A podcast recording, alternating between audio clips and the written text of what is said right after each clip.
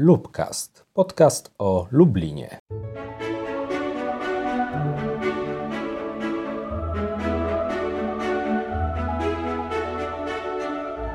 Dzień dobry albo dobry wieczór. Ja nazywam się Jacek Skałecki, a to kolejny odcinek Lubcastu. Robotnik, Koziołek, Wyzwolenie, Kosmos to nazwy lubelskich kin, których już nie ma. Zostało jedno Ostatnie kino studyjne w Lublinie, czyli Bajka, to miejsce z bardzo bogatą przeszłością. Opowiedział mi o niej dyrektor tego miejsca. Zapraszam do wysłuchania rozmowy o historii lubelskiego kina Bajka. Zaczynamy. Gościem kolejnego odcinka Lubcastu jest pan Waldemar Niedźwiedź, dyrektor kina Bajka w Lublinie. Dzień dobry.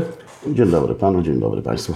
Y, chciałbym zacząć od historii tego niezwykłego miejsca, w zasadzie ostatniego studyjnego kina w Lublinie. To jest czas transformacji ustrojowej, ale to nie było tak, że kino Bajka w Lublinie było planowane od samego początku jako projekt. Był to raczej taki projekt awaryjny, bo y, zaczęło się od tego, że pan Roman Gutek chciał mieć kino Bajka w Warszawie, to nie do końca wyszło i dlatego powstała Bajka w Lublinie. Jak to wyglądało? Prawie dokładnie tak jak pan mówi. E, był rok 90. E, zaczęli powstawać na rynku polskim prywatni dystrybutorzy. Tak jak Pan wspomniał, przeróżne przekształcenia Polsce działy się w tym czasie. E, państwo rezygnowało albo przekazywało osobom prywatnym, a często fundacjom, stowarzyszeniom majątek, którym te, te, te, te organizacje miały się opiekować, zarządzać nimi, eksploatować. I tak było również e, z rynkiem filmowym w Polsce. Przed transformacją e, był jeden wielki przedsiębiorstwo państwowe dystrybucji filmów, które zarządzało wszystkimi kinami w Polsce. I na przełomie lat 80., 90. Polska została podzielona na e, pięć rejonów. Powstały takie, takie okręgowe instytucje filmowe. Natomiast jeśli chodzi o same kina, to przynajmniej w Warszawie, ale, ale z tego, co, co, co wiemy już e, nie tylko w Krakowie, w Gdańsku, w tych, tych większych ośrodkach, e, władze mm, przekazywały kina również e, osobom prywatnym lub podmiotom prywatnym. W Warszawie chodziło o to, że zaczęli powstawać, jak wspomniałem, prywatni dystrybutorzy. Jednym z pierwszych był, była firma Solopan, oraz Fundacja Sztuki Filmowej. Oprócz tego wtedy chyba na rynku istniała jedynie e, Syrena i być może Imperial, już dokładnie nie pamiętam. Szefem e, Fundacji Sztuki Filmowej był Roman Gutak, e, który, który wymyślił mm, jeszcze w latach 80. Warszawski Tydzień Filmowy, potem on się przekształcił w Warszawski Festiwal Filmowy i oczywiście bardzo chciał mieć warszawskie kino Bajka. A to tylko dlatego, że bardzo się do niego przyzwyczaił właśnie przy okazji tego tygodnia e, filmowego, czy później festiwalu. Tam była centrala. No, nie udało mu się niestety e, dostać od władz e, bajki warszawskiej. Razem z Solopanem dostali kino Kultura na krakowskim przedmieściu. No i w tym momencie Roman, a Roman swoją drogą jest moim bratem, zadzwonił do mnie i powiedział: Słuchaj, Waldek, nie dostałem bajki w Warszawie. Ty jesteś w tej chwili bezrobotny. Wiadomo, przełom lat 90. E, bezrobocie przeogromne. Słuchaj, zakładamy e, bajkę w Lublinie. Z tego co wiem, to jest do wzięcia e, sala w domu nauczyciela. Następnego dnia Roman był już w Lublinie. Spotkaliśmy się, porozmawialiśmy z właścicielem. Jak najbardziej, proszę bardzo. Zaczęliśmy to wszystko organizować i 3 października 1991 roku odbył się już pierwszy seans. Tak, to był seans tańczącego z wilkami. Tak, to był Kevina seans tańczącego Kostnera. z wilkami. Jak pan zapamiętał ten, ten dzień i czy jakoś po latach ma pan szczególny stosunek do tego filmu? Z tym filmem zetknąłem się w dniu premiery w Polsce. Nim jeszcze otworzyliśmy kino, mm, byłem takim z ramienia Fundacji Sztuki Filmowej opiekunem e, kopii filmowej, która krążyła, e, które krążyły e, w województwie lubelskim, a, a, a nawet trochę dalej.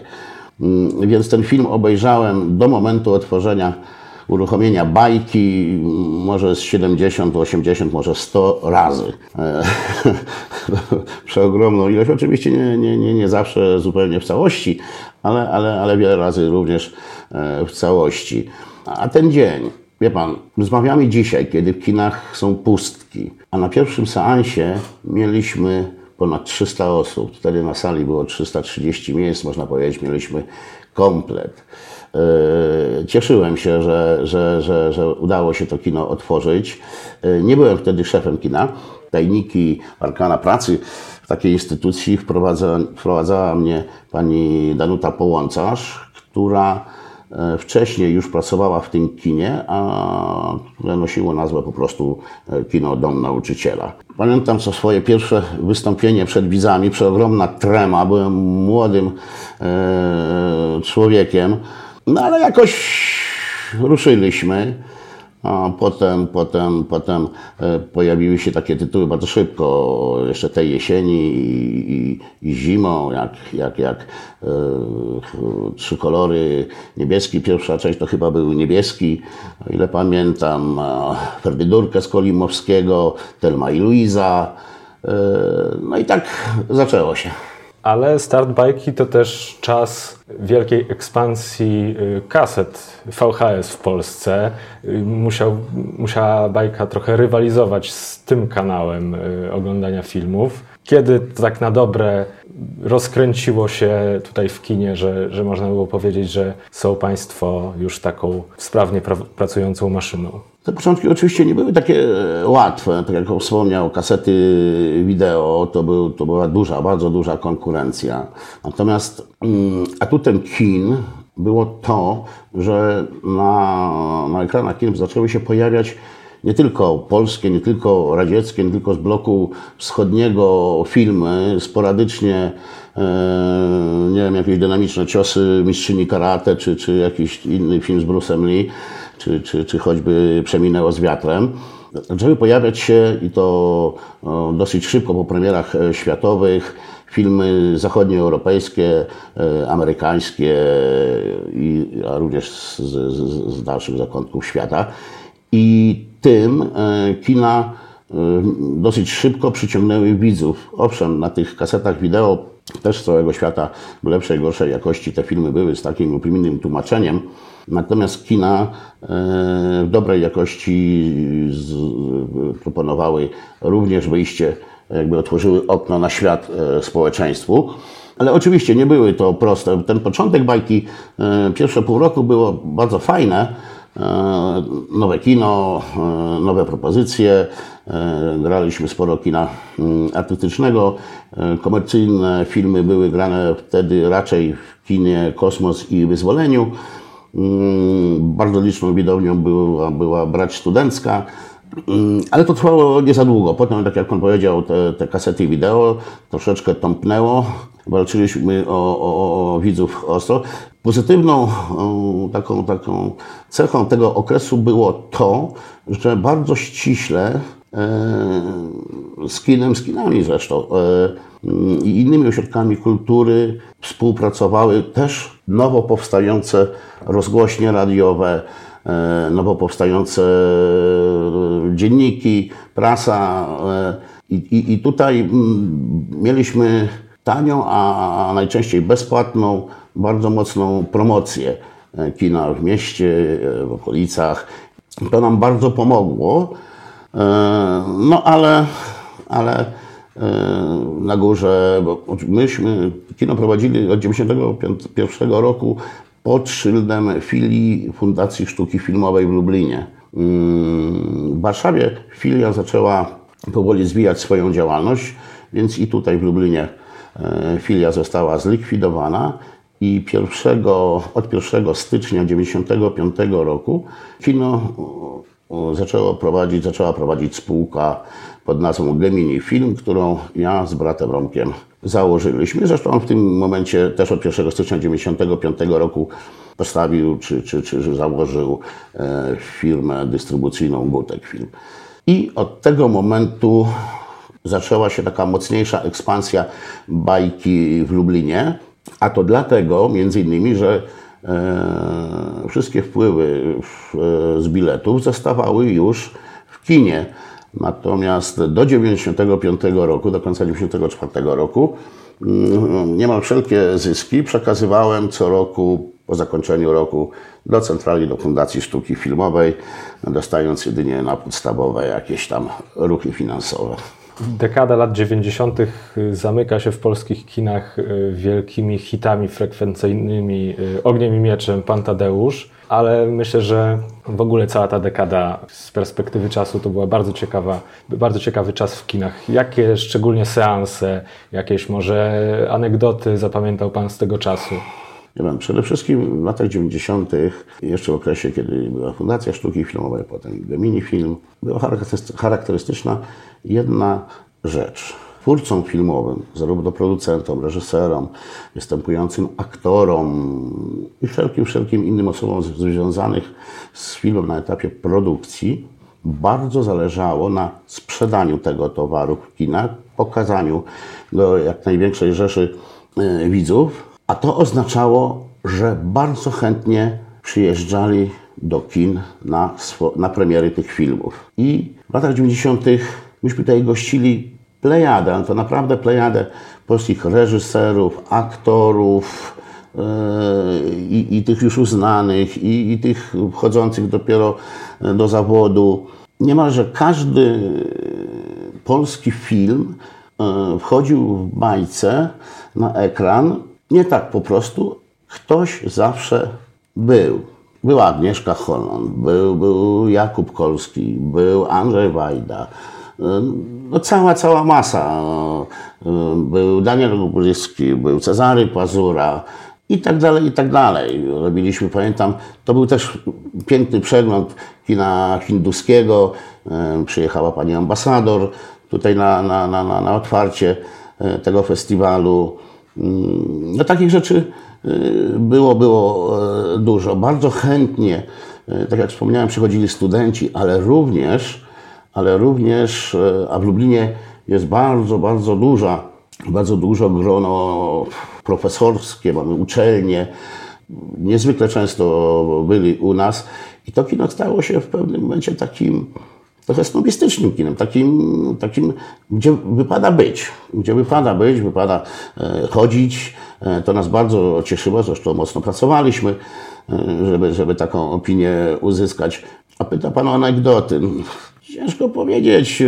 No, była taka historia, reżyser, już nie pamiętam, jakiegoś młodego pokolenia, mm, przyjechał na widowni niewiele, ze 40-50 osób, operator zaczął grać, grać, grać, grać, no już tam niewiele, za 20 minut, może jeszcze jedna rolka, półtorej rolki zostało do końca filmu.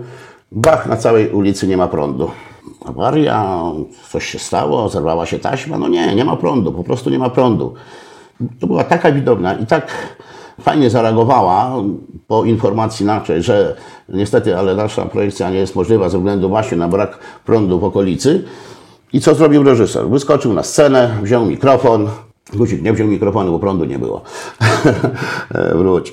I dopowiedział końcówkę filmu. Oklaski, jak po jakimś hicie filmowym.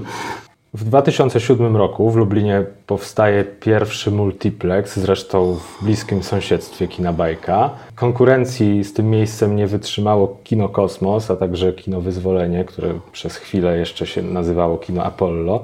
Czy pan miał wtedy też przed oczami koniec bajki? E, zahaczamy o taki temat, e, bo trzeba wiedzieć, że, że w tym roku obchodzimy 31 urodziny.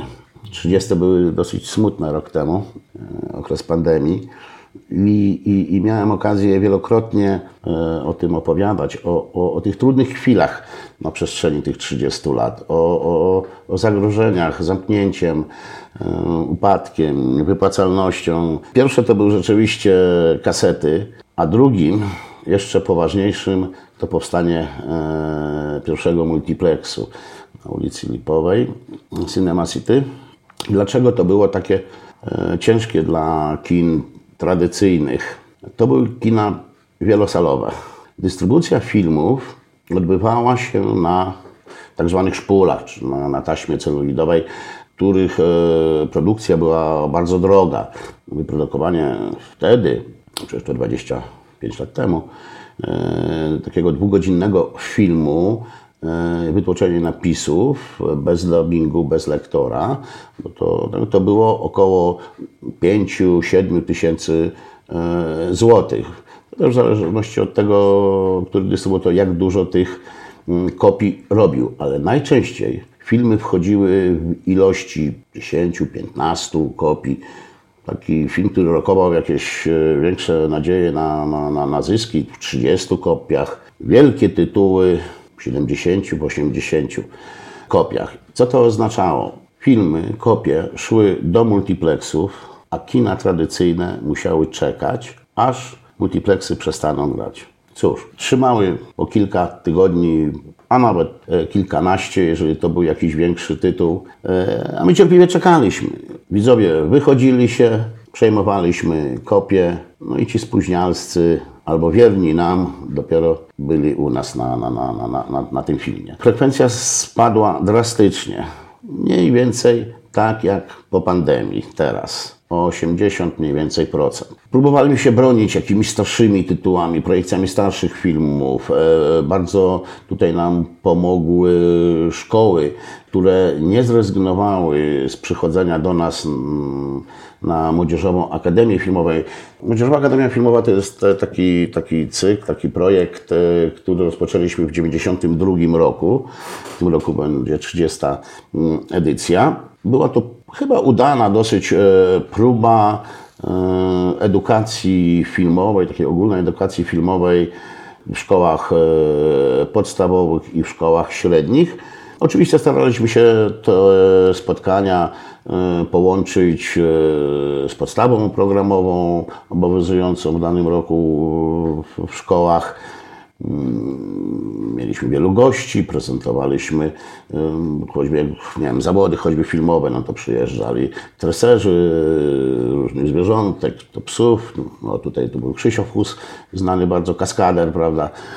Także tutaj, tutaj e, szkoły i szkoły e, bardzo nam tutaj pomogły przetrwać ten, ale sytuacja finansowa pogarszała się z roku na rok. Mniej więcej w 2007 roku E, już, już e, nosiłem się z zamiarem e, zlikwidowania rezygnacji, sprowadzenia kina i poszukania szczęścia w innym miejscu. W 2011 problem dystrybucji, rywalizowania z multiplexami o, o taśmy się rozwiązał, ponieważ w bajce zagościł projektor cyfrowy, również dzięki e, wsparciu Państwowego Instytutu Sztuki Filmowej. Także z jednej strony problem rozwiązany, a z drugiej, czy nie zaczęło Panu brakować takiej atmosfery starego kina, tego dźwięku, zapachu, starego sprzętu? Zdecydowanie. Dotyka Pan bardzo, bardzo, bardzo istotnej e, rzeczy, cechy kina tradycyjnego. Atmosfera, klimat, tych miejsc. Chciałem o kilku rzeczach w tej chwili powiedzieć. Może najpierw e, skupię się rzeczywiście na tym e, momencie, kiedy już nosiłem się z zamiarem zamknięcia i nagle nadzieja. Powstał mm, parę lat wcześniej e, Polski Instytut Sztuki Filmowej, który z jednej strony pobierał od nas mm, opłatę w wysokości 1,5% od obrotów, ale z drugiej strony uruchomił e, w 2011 roku program pomocowy. Między innymi pomoc w zakupie projektorów cyfrowych przez kina jednosalowe, jednocześnie stowarzyszone w sieci kin studyjnych i lokalnych. 2007 rok, 2008 głębią się myśli, zamykać, nie zamykać. W 2009 roku chyba na jesieni albo 10 na wiosnę dostaję informację od Romana, że Polski Instytut taki program cyfryzacji kin jednosalowych będzie za chwilę uruchamiał. No to jeszcze chwilę potrwało, rok. Natomiast ja e, mniej więcej wiedząc, e, na czym to będzie polegać, e, jakie, jakie dokumenty, jakie, jakie warunki muszę spełnić, zacząłem się szybko przygotowywać do tego. I niemal w momencie, kiedy tylko został ten program ogłoszony, ja w kolejnym tygodniu już z gotowymi dokumentami wylądowałem e, w Warszawie, na krakowskim przedmieściu, w Instytucie Filmowym i złożyłem e, dokumenty. I bodajże 1 sierpnia Bo września, w tej chwili nie pamiętam. 2011 roku odbyły się pierwsze pokazy z projektora cyfrowego, a umowę z Instytutem Filmowym mam z numerem 1 przez. Byłem pierwszym kinem, które podpisało, podpisało umowę z Instytutem Filmowym właśnie na zakup projektora cyfrowego. I rzeczywiście w tym momencie znikł problem dostępu do kopii filmowej. Filmy, e, tak zresztą dzisiaj też jest, dostajemy na dyskach, wygrywamy, bo projektor cyfrowy no to jest taki wielki komputer, wygrywamy mm, e, na serwer projektora i przekazujemy dysk do kolejnego kina, choćby właśnie do, do, do, do, do cinemy, czy, czy do jakiegoś tam innego kina. Niestety projekcje e, z e, projektorów cyfrowych sprawiły, że jakość, różnica w jakości obrazu była przeogromna. Czyste kolory, e, bardzo widoczne szczegóły. No oczywiście tutaj doszedł jeszcze dźwięk Dolby Digital. Ta przestrzeń, jaka się na sali zrobiła, sprawiło, przynajmniej w moim odbiorze, że to kino stało się, mimo że grało w dalszym ciągu kino artystyczne, filmy artystyczne, stało się jakimś kinem takim bardziej komercyjnym, mniej przytulnym. Zresztą od wielu widzów też słyszałem, że ta doskonała jakość obrazu jakoś nie bardzo pasuje. Oczywiście w tej chwili się już, już wszyscy przyzwyczaili, już nie wspominają niemal o tym, ale ten pierwszy moment to był taki żal, że coś się skończyło, że coś zaczyna to być zbyt takie komercyjne, zbyt nastawione na, na, na, na, na, na, na jakiś zysk, na, na, na jakiś taki, wydawał się też pęd, bo, bo e, też nagle okazało się, że e, w ciągu roku w Polsce nie wchodzi 100 tytułów, tylko wchodzi ich 300, 400. I, i, I, ta szybka zmiana w kinie tych tytułów. Kiedyś graliśmy film miesiąc czasu. Wszyscy, którzy chcieli, mogli przyjść, nie spóźnili się. Teraz co tydzień, co dwa tygodnie i, i następny, i następny, i następny e, tytuł. Kiedyś bardzo tak z czułością i z taką, z taką, z taką, z podchodziliśmy do, do, do kolejnych e, twórców tak, tak, takimi reprezentantami, których, którymi, których tutaj no, hołbiliśmy. No, to był przecież Jarmusch, Jarman, Greenaway, Kauris Maki, e, Gus Van Sant, e, ale, ale ich widzowie kojarzyli, jak, jak było hasło, wchodzi kolejny film Jarmusza, no to tłumy waliły, prawda? A teraz Jarmusz do tej pory robi filmy. Widowni nie ma. To jest taki duży, duży przemiał e, w kinach. I, i ta atmosfera e, troszeczkę e, jakby znikła. W tej chwili pojawiają się już na rynku projektory laserowe, gdzie jeszcze doskonalsza jakość obrazu jest. Jakieś rewolucje też z dźwiękiem. Ja na razie w to nie wchodzę, że to są potwornie kosztowne rzeczy. Ale, ale wspominając jeszcze o tym, o tej, do, wracając do, do tej atmosfery, muszę powiedzieć, że tuż przed pandemią miałem zaoszczędzone środki na wyremontowanie tej dużej naszej sali. Wizytował kino dwukrotnie architekt, już miał się przykładać do robienia projektu. Ale gdy wszedł po raz pierwszy na salę, spojrzał na nią i powiedział: Panie Waldku, ja zrobię panu ten projekt, ale musi mi pan obiecać jedną rzecz. Te fotele muszą pozostać.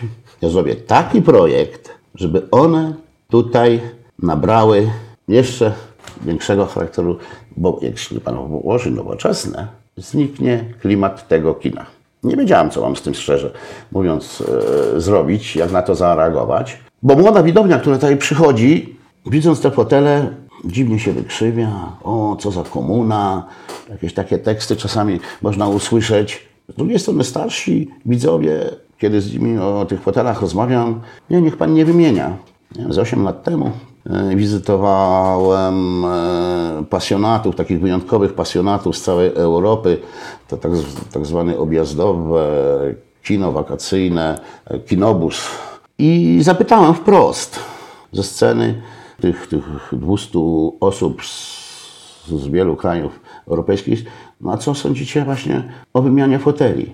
No sala ryknęła, że absolutnie, że nie, że nie, no owszem, odpowiadali później w rozmowach, że można te skrzypiące niektóre e, jakoś tam, nie wiem, remontować, coś z nimi zrobić, ale absolutnie nie wymienię żadnych nowoczesnych foteli. No i potem jeszcze ten architekt i powiem panu, że nie wiem, co w tej chwili mam robić. Oczywiście tego remontu sali nie będzie, bo pandemia, okres pandemii sprawił, że wszelkie oszczędności znikły, rozeszły się. No ale może widzowie wrócą i mam nadzieję, że w przeciągu, nie wiem, może dwóch, trzech lat znowu uda się jakieś, jakieś środki e, zaoszczędzić, może skądś pozyskać i ten remont e, zrobię. I będę miał właśnie ten dylemat, co z fotelami.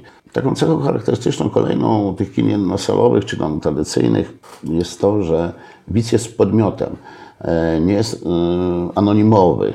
Tutaj ma z kim porozmawiać, może wyjść w czasie seansu, powiedzieć bardzo proszę, no może troszeczkę ciszej, albo troszeczkę głośniej, a może klimatyzację troszeczkę zmniejszyć, bo jest za zimno i tak dalej. Tak. E, I, I to też sobie bardzo widzowie e, cenią. Na tym bazujemy, na kontakcie z widzem, na klimacie, na, na takim... I z tego powodu właśnie jakby mamy nadzieję, że po pandemii odrodzimy się. Tego oczywiście ży życzymy wszyscy kinu Bajka, a pierwszą okazją do tego, żeby y, odwiedzić je i y, zaznać y, sztuki filmowej, której nie będzie można zaznać w innym rodzaju kina, są konfrontacje filmowe, które ruszają 9 września. W 18 miastach 14 tytułów, które święciły triumfy na festiwalach w Cannes, Wenecji, Berlinie. To jest pierwsza edycja tego festiwalu, tego przeglądu od 1993 roku. Będziemy mieli y, nowe tytuły takich mistrzów jak Skolimowski, bracia Darden, y, Ruben Östlund y, czy Asgar Farhadi. Na co pan sobie szczególnie ostrzy zęby, co pan szczególnie poleca w trakcie konfrontacji? Wie pan, żadnego z tych filmów nie oglądałem, więc jeżeli czas pozwoli, będę od 9 do 18 po prostu wieczory spędzał w kinie i oglądał te filmy, po prostu oglądał, bo to rzeczywiście jest wielkie, wielkie święto. E, ja pracowałem przy konfrontacjach na początku lat 90., jak pan powiedział, w 93 odbyła się ostatnia edycja odbywały się wtedy w Lublinie i w bajce, i w kosmosie. Ta ostatnia edycja. I w bajce, i w kosmosie. I tutaj, i tutaj mieliśmy tłumy widzów.